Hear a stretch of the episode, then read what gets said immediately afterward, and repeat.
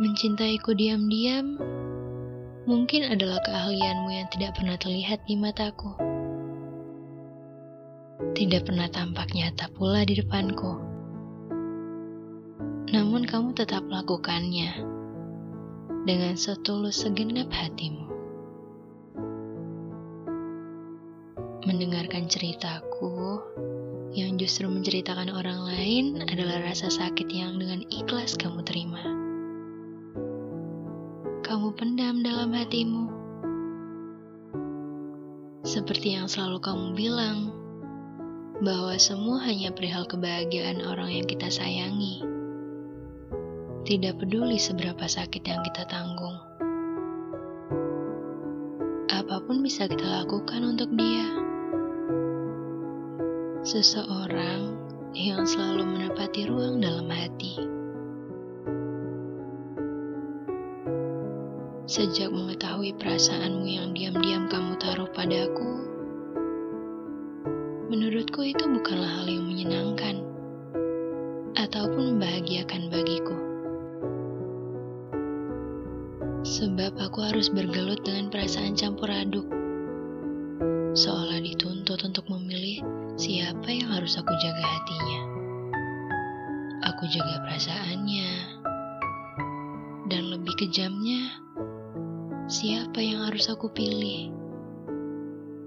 Kamu yang dengan setia mendengarkan ceritaku, atau dia yang dengan senang aku ceritakan padamu? Ini adalah keadaan yang sulit bagiku. Sungguh, aku tidak pernah membayangkan ini terjadi padaku. Tapi, mau tidak mau aku harus memilih. Mana bisa seorang perempuan memilih dua pengisi hati sekaligus? Mana bisa aku?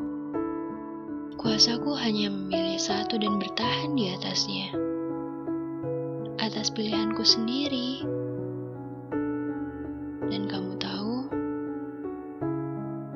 memilih satu di antara dua laki-laki yang hebat bagiku, itu adalah pilihan yang sangat amat sulit.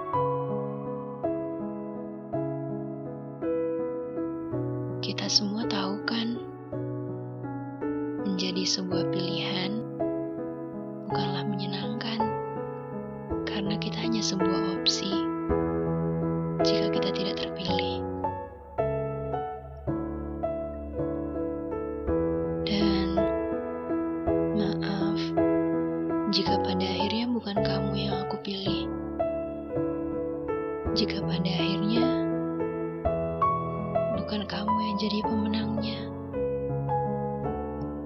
Tapi aku sangat berterima kasih karena kamu telah mencintaiku setulus sepenuh hatimu. Meski kamu tahu, aku tak pernah mau tahu. Aku harap di depan nanti kamu menemukan seorang perempuan yang tidak menjadikanmu pilihan, yang tidak dengan ragu memilihmu, yang menjadikanmu satu-satunya alasan bercerita dengan senang.